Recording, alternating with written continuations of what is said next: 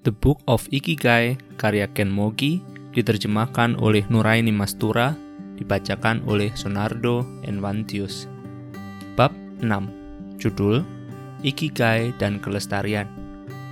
Pada dasarnya, gagasan Ikigai bangsa Jepang selalu diliputi pengekangan dan pengendalian diri ketika keselarasan dengan orang-orang lain dipandang teramat penting.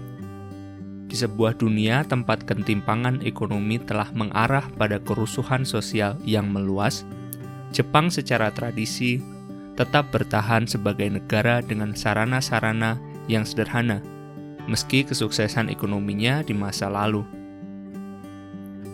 Selama waktu yang lama, mayoritas rakyat Jepang memandang diri mereka sendiri berasal dari kelas pekerja. Pada tahun-tahun terakhir, dengan pertumbuhan ekonomi yang melambat dan populasi yang menua, muncul kesadaran yang semakin besar bahwa kesenjangan ekonomi makin meningkat, dan sejumlah indikator konsisten dengan persepsi itu. Akan tetapi, pembelanjaan yang berlebihan oleh orang-orang kaya atau pertunjukan eksibisionisme oleh orang-orang tersohor relatif jarang di Jepang setidaknya dalam persepsi. Jepang hanya memiliki budaya selebritas yang lemah. Tidak ada Justin Bieber atau Paris Hilton, meskipun Jepang juga memiliki sejumlah selebritas dalam skala kecil. Membatasi keinginan-keinginan dan ambisi-ambisi individu bisa memiliki efek samping yang negatif. Dibandingkan dengan kesuksesan global perusahaan-perusahaan seperti Google, Facebook, dan Apple, perusahaan-perusahaan rintisan di Jepang baru-baru ini memiliki dampak yang relatif kecil. Barangkali, spektrum kesuksesan dan keglamoran bangsa Jepang terlalu sempit untuk mengakomodasikan pelaku-pelaku perubahan sesungguhnya pada skala global.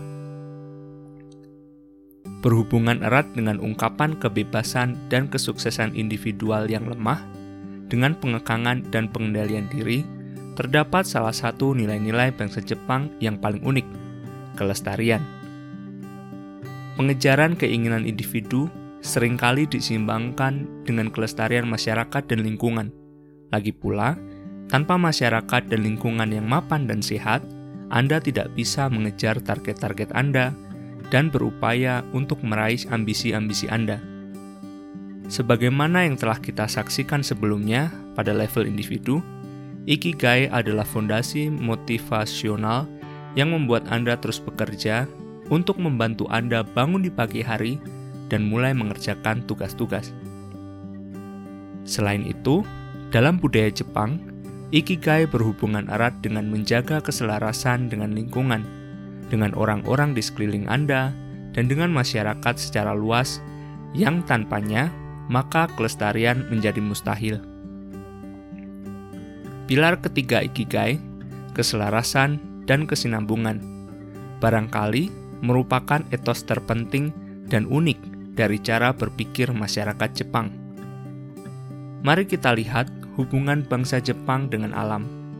Bangsa Jepang telah membuat batasan keinginan-keinginan individu menjadi sebentuk seni kesederhanaan, estetika yang jeli, dan kecukupan yang elegan. Dalam idealisme bangsa Jepang, terdapat limpahan keindahan yang bersahaja, wabi-sabi. Kayu polos meja sushi yang licin merupakan contoh klasik. Kayu hinoki wangi yang digunakan untuk mandi, digabungkan dengan kulit buah jeruk yuzu, adalah contoh lain dan yang begitu surgawi. Tujuan mandi demikian tidak hanya untuk membersihkan badan, tetapi juga agar rileks. Mandi di alam cukup populer, terutama di onsen atau mata air panas.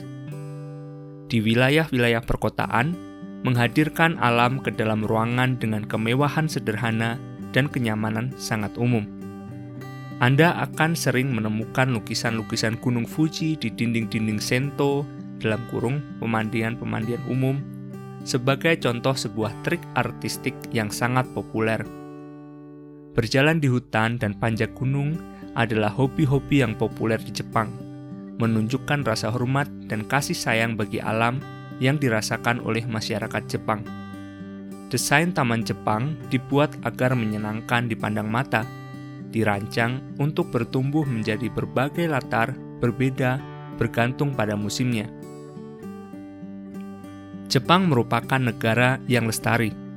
Kelestarian ini berlaku bukan hanya pada hubungan manusia dengan alam, tetapi juga pada ragam aktivitas-aktivitas individual di dalam suatu konteks sosial.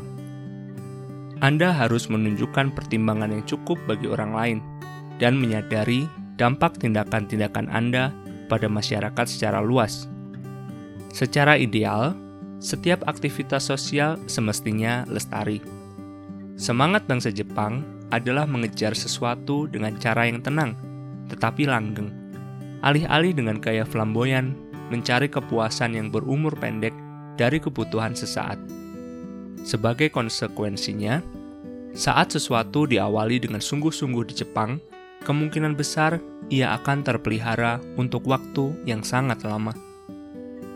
Kekaisaran Jepang adalah monarki turun-temurun tertua di dunia.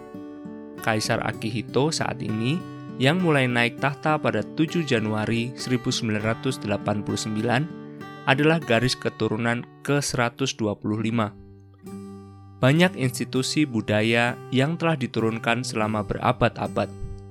Noh, drama musikalis klasik bangsa Jepang, kabuki, drama tari klasik bangsa Jepang, dan berbagai bentuk seni pertunjukan lain telah dipraktikkan selama bergenerasi-generasi.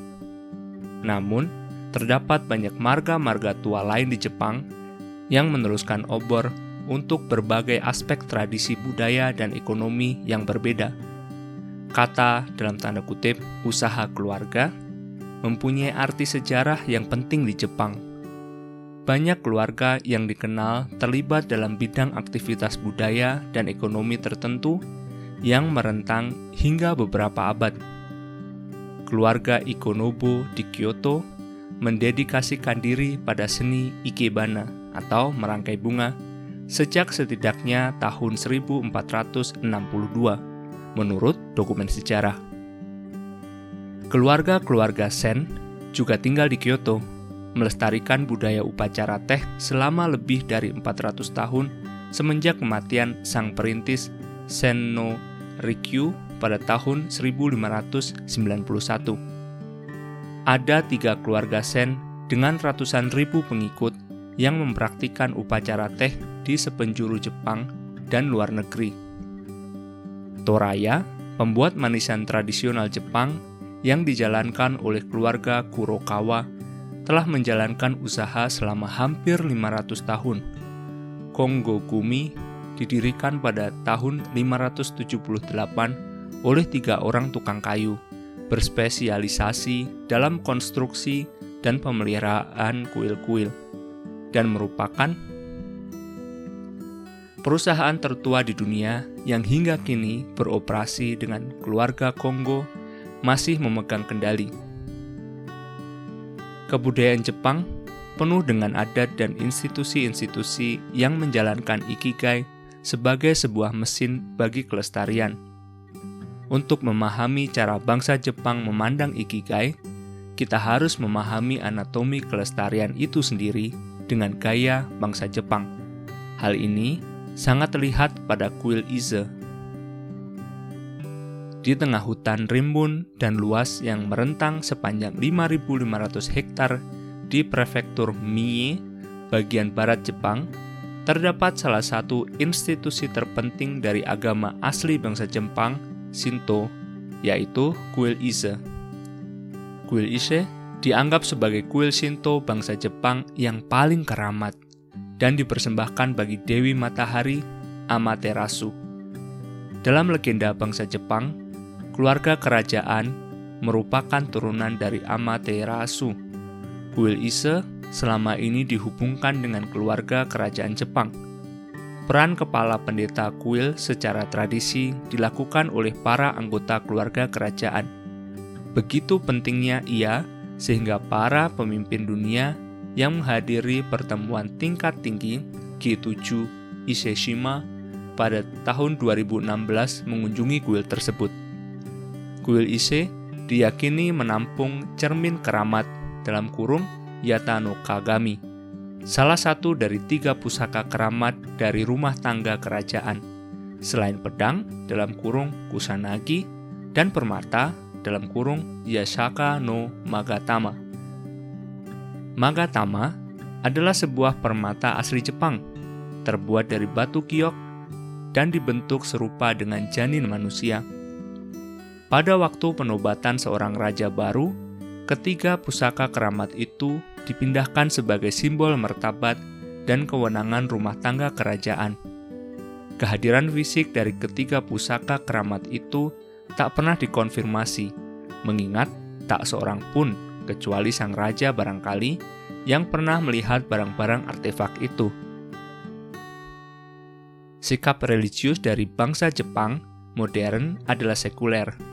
Banyak warga Jepang yang mengunjungi kuil Ise untuk berdoa, tetapi itu tidak berarti bahwa mereka penganut doktrin-doktrin Shinto yang taat, atau bahkan tahu sistem keyakinannya secara spesifik. Kebanyakan warga Jepang memandang kunjungan ke kuil Ise sebagai pengalaman budaya. Shinto sendiri bukanlah agama dengan aturan dan hukum yang ketat.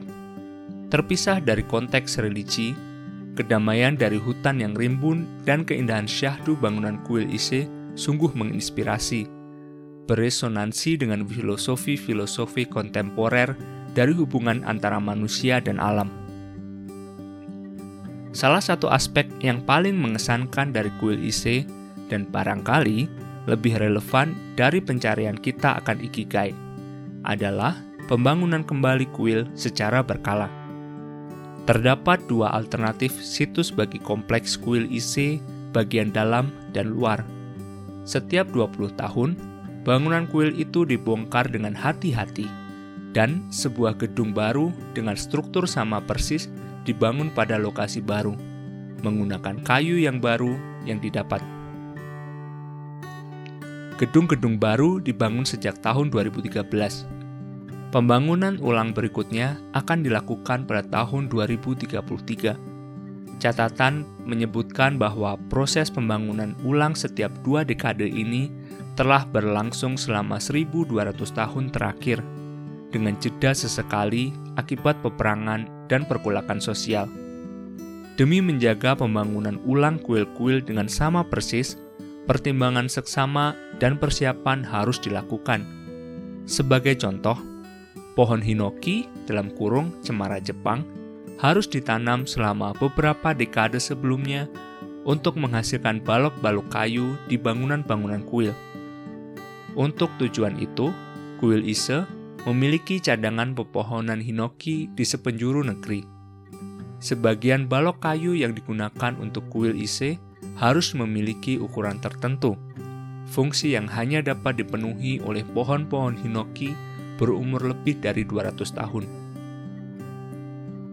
Ada teknik-teknik pertukangan khusus yang digunakan untuk kuil Ise. Sebagai contoh, bangunan-bangunan kuil dibangun tanpa menggunakan satu paku pun.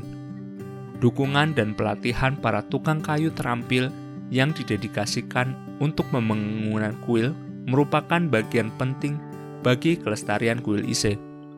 Satu teori menyebutkan bahwa pembangunan ulang kuil setiap 20 tahun dirancang untuk meneruskan teknik dan pengalaman pembangunan kuil dari satu generasi tukang kayu ke generasi berikutnya. Kuil Ise adalah puncak bagi puluhan ribu kuil di sepenjuru Jepang. Meskipun lebih kecil ukurannya dan sederhana dalam tampilannya, kuil-kuil lokal ini dihormati dan dipelihara oleh orang-orang di sekitarnya pada masa kini, sekitar 100 pendeta Shinto dan 500 staf umum mendukung operasi kuil Ise. Ditambah lagi, ada orang-orang yang mendukung kuil secara tidak langsung, misalnya para tukang kayu, perajin, pedagang, dan pemelihara hutan. Pengaturan dan keselarasan, sebagaimana yang dikatakan Pangeran Sotoku dengan Wa, orang-orang yang mendukung kuil ini merupakan aspek penting lain dari tradisi mulia yang langgeng ini. Terdapat kecerdasan yang tak diragukan dalam pembuatan dan perancangan kuil Ise. Gedung-gedungnya sangat indah dan cantik. Seorang pendeta Buddha terkenal, Saikyo, dari tahun 1118 sampai tahun 1190, dalam kunjungannya ke kuil Ise, menulis sebuah puisi waka tradisional yang diterjemahkan sebagai Aku tidak tahu apa yang menetap di sini, tetapi jiwaku meneteskan air mata saat menyentuh kedamaiannya yang agung. Perbuatan dan perancangan adalah satu hal. Pemeliharaan latar aslinya selama ratusan tahun adalah hal lain lagi. Waktu senantiasa berubah. Pemerintah datang dan pergi. Orang-orang dengan beragam kemampuan dan ciri pribadi sudah tentu terlibat dalam operasinya. Sungguh sebuah keajaiban bahwa kuil Ise terus dijaga dalam kondisi murninya selama lebih dari seribu tahun. Yang penting, kuil IC tidak dapat bergantung pada pekerja-pekerja hebat yang mendukung operasinya. Memang, pekerja kuil memiliki reputasi hebat bagi keandalan dan kecerdasan. Saya pribadi mengenal sebagian mereka, dan mereka adalah para pekerja andalan yang cermat, serta menunjukkan bakat. Akan tetapi, bukan itu intinya. Namun, bagi mekanismenya yang pasti dan terintegrasi untuk memastikan operasinya terus berjalan, kuil IC tidak akan bisa terus dijalankan selama lebih dari satu milenium. Sebagai contoh, jika Anda bayangkan bagaimana Apple akan beroperasi selama seribu tahun setelah kematian Steve Jobs, Anda mungkin akan mulai menghargai kesulitan tugas itu. Serupa dengannya, internet sudah jelas mengubah dunia tetapi, tak seorang pun tahu jika ia bisa bertahan selama berdekade-dekade berikutnya, apalagi selama ratusan tahun. Para peretas, penipu, pencipta perselisihan, dan banjir informasi hanyalah segelintir contoh kekhawatiran tentang internet. Penyebaran berita-berita bohong di media sosial menempatkan sistem demokrasi dalam kekacauan. Selain itu, juga ada kecemasan nyata mengenai perlombaan yang makin mengganas untuk memancing perhatian dan waktu keterlibatan orang-orang. Kita semua tahu betapa berbagai layanan internet seperti Facebook, Twitter, Snapchat, Instagram mengacak-acak jam-jam bangun kita menjadi limpahan rentang perhatian singkat yang acak Bagaimanakah seorang individu mewujudkan kelestarian dalam hidup melalui ikigai dengan karakter pribadinya yang unik di sebuah dunia yang makin terosepsi dengan inovasi-inovasi? Prestasi hebat Guil Ise sebaiknya dipelajari sebagai model bagi perwujudan kelestarian. Sudah jelas, keselarasan merupakan kunci bagi kelestarian kesederhanaan dan kerendahan hati para pekerja kuil IC di balik latar pekerja hebat yang dilakukan mereka beserta para pendahulu mereka selama sekian tahun, menjadikan kuil IC sebagai pendewaan bagi keselarasan dan kelestarian. Pilar ketiga Ikigai. Ada sebuah kuil lain di jantung kota Tokyo yang memberikan kasus unik lain bagi kelestarian, kuil Meiji didirikan pada tahun 1920, dipersembahkan bagi Kaisar Meiji 1852 sampai 1912 yang memainkan peranan penting dalam modernisasi Jepang. Kuil itu merupakan lokasi populer untuk dikunjungi para wisatawan luar negeri. Yang terutama populer adalah pajangan tong-tong sake yang dipersembahkan untuk kuil itu. Orang-orang mengambil swafoto di depan koleksinya yang beraneka warna.